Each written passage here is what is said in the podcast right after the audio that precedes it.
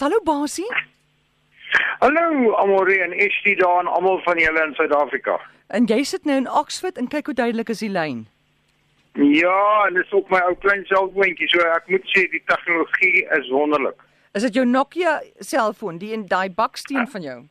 Absoluut. Hy is nie maksimum hy's kleintjie, dis 'n kleintjie, maar dit is dit is 'n kleintjie, ja, maar hy, is nou al hy is amper so oud soos ek. Is dit?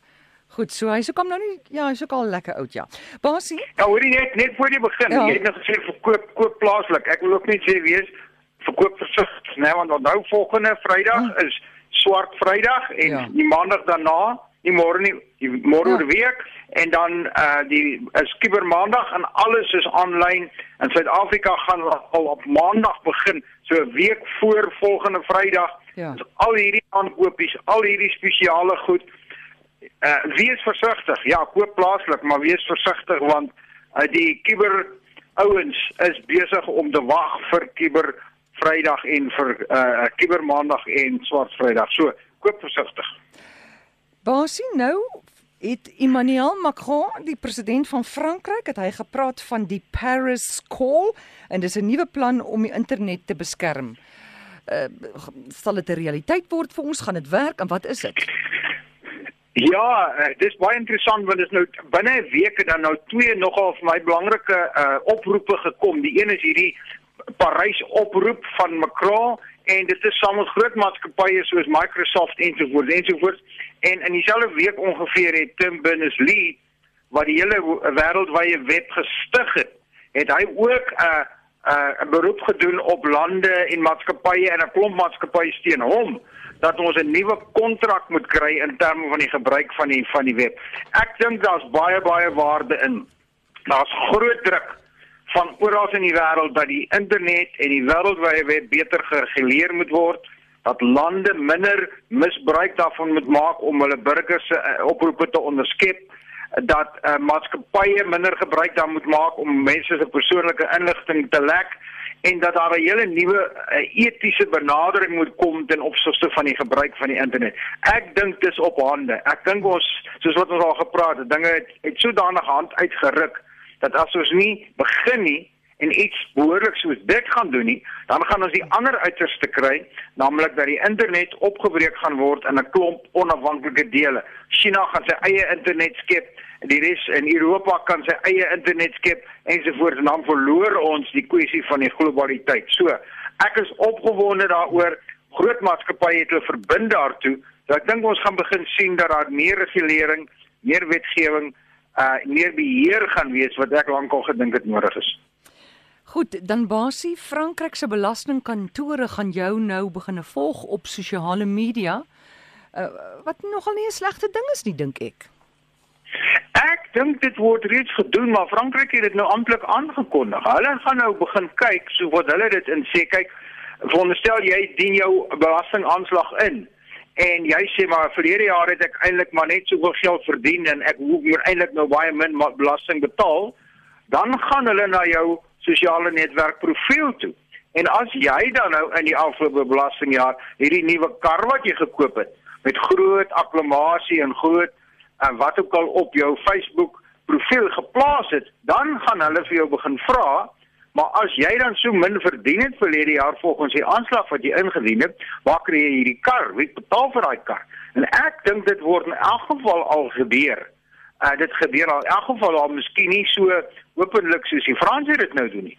Maar ek dink dit maak vir my baie sin want ons weet al werknemers doen dit as hulle potensiële werknemers onderhoude mee voer. Ek dink jy moet versigtig weer eens versigtig wees met daai huis wat jy gekoop het, groot gaan uh, opblaas op die op jou profiel en spog met jou nuwe huis. As jy volgende jaar vir die ontvanger gaan sê, hoorie, ek het eintlik nie baie verdien nie, uh, ek moet minder belasting betaal. So hierdie goed begin nou by mekaar uitkom, so weer eens, wees maar loop maar katvoet. En Basie, meeste wat nou luister het pin kredietkaarte. Nou blyk dit is ook nou nie meer so veilig nie. Ja, dit was vir my nogal 'n bietjie van 'n skok geweest dat daar nou al hoeveel hoeveel miljoen van hierdie uh, pin kredietkaarte nou al klaar gekompromiteer is. Uh maar wat vir my interessant is is dit is gewoonlik nie die die kwesbaarheid lê nie in die pinkaart self nie of in jou kredietkaart self nie. dit lê meestal in die in die eindpunt toerusting van die handelaar waar jy daai kaart gebruik. Aan die ander woorde, dit dit is nog altyd baie moeilik aan ek sal nie onmoontlik hê want niks is onmoontlik nie, maar moeilik om die kredietkaart self te kraak om jou pinnommer te kry.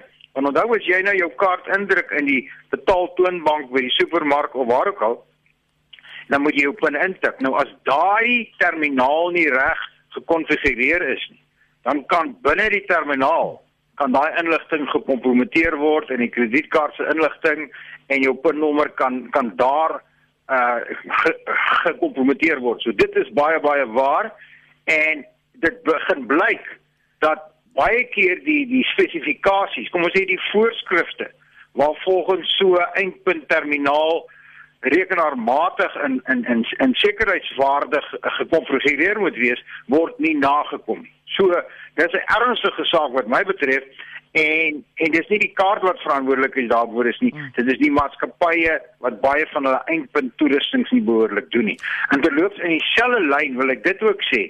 Nou die dag het het, het iemand ge, uh, my ge, genader en gesê haar pinkredietkaart is gesteel in die winkel en kort daarna is die kaart misbruik. Hoe dit gebeur? Mm.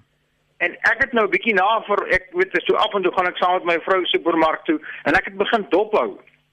Mense druk hulle kaart in en dan tik hulle die die die pinnommer in. Mm. Gaan staan net so 'n bietjie agter daai persoon so of so eentjie weg van hom. Daai persoon wat daai pinnommer indruk, het het geen idee wat om hom aangaan of om haar aangaan nie. Sy tik die pin in. En en is baie maklik ek het 'n paar keer gesien, ek kan presies jou sê wat was die vier syfers wat die persoon ingetik het. Nou nou weet jy wat dit is.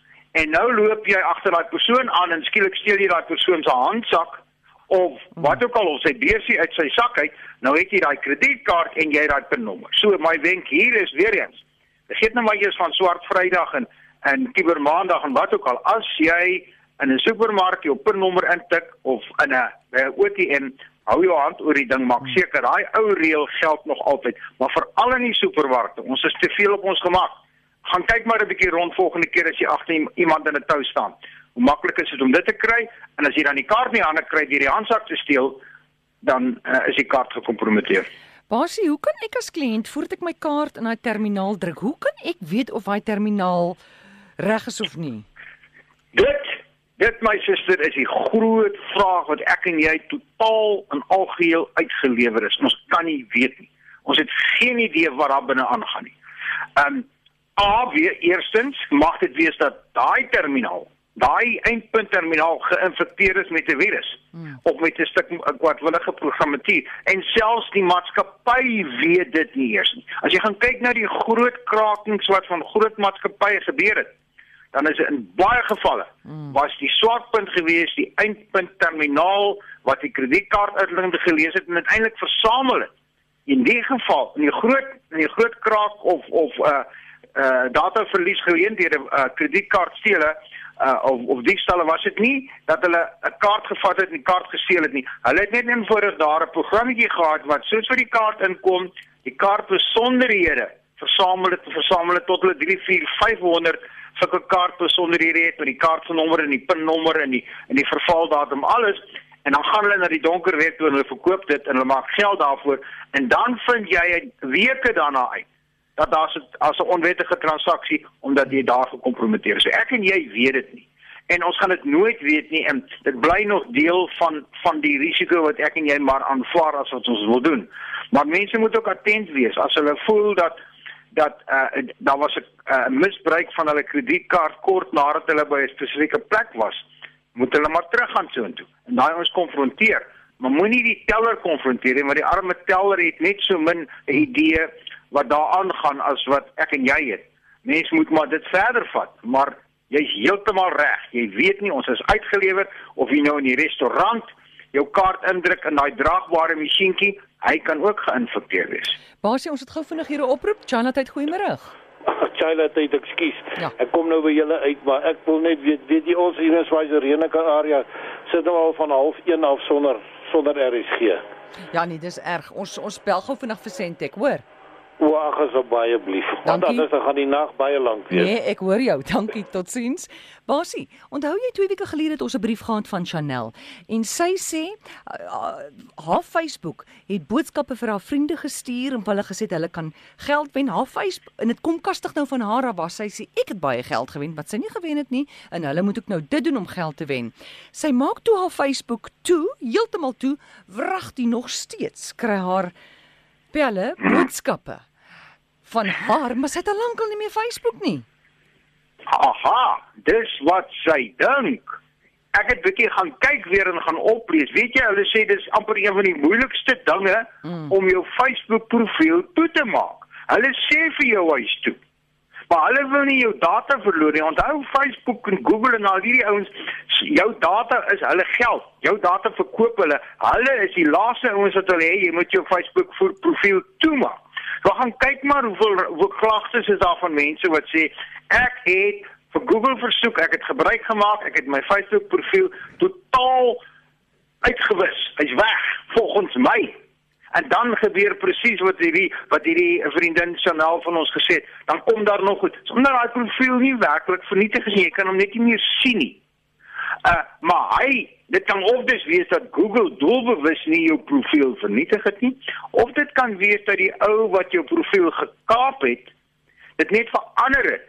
En in hierdie geval is ek van vermoede dat haar profiel het wat sy nou sê sy vernietig het wat sy dink vernietig is is deur iemand anders gekaap en hy het nou natuurlik haar lys van al haar vriende. En hy het haar identiteit want dit is haar ou profiel geweest en hy begin dit nou misbruik presies soos wat sy verduidelik het dat hulle dink hierdie boodskap dat sy hierdie vreeslike klomp geld gewen het mm. en dat sy die lys gesien het van die ander mense wat geld gewen het en dat hierdie vriendin vir wie sy nou die boodskap stuur se naam op daai lys is en dat sy ook geld gewen het en dat sy nou net eenvoudig hierdie en hierdie en hierdie skakel moet klik gaan volg maar daai skakel. Die eerste ding wat hulle vir jou sê, ja, jy het soveel geld gewen, maar jy moet nou eers 3000 of 4000 rand in hierdie rekening inbetaal om die administrasie te kan hanteer. So die die boodskap hier is, moenie dink of moenie oortuig wees jou Facebook profiel is vernietig as jy hom vernietig het nie. Die kans is baie groot dat hy nog daar is en misbruik kan word. Basie baie dankie. Wanneer is jy weer terug? Ek gaan nou eers hier vandaan na nog 'n paar plekke toe. Ek gaan nog Switserland toe en ek sal so terug wees so einde November se kant. Volgende donderdag gaan ek en jy reël hoe ons dit gaan doen want ek gaan heel waarskynlik iewers in die lug wees, maar ons reël dit later dan. Groete vir almal. Goed, dankie Basie. Dis professor Basie van Sonnoms en jy kan hom kontak by rsgbasie by gmail.com.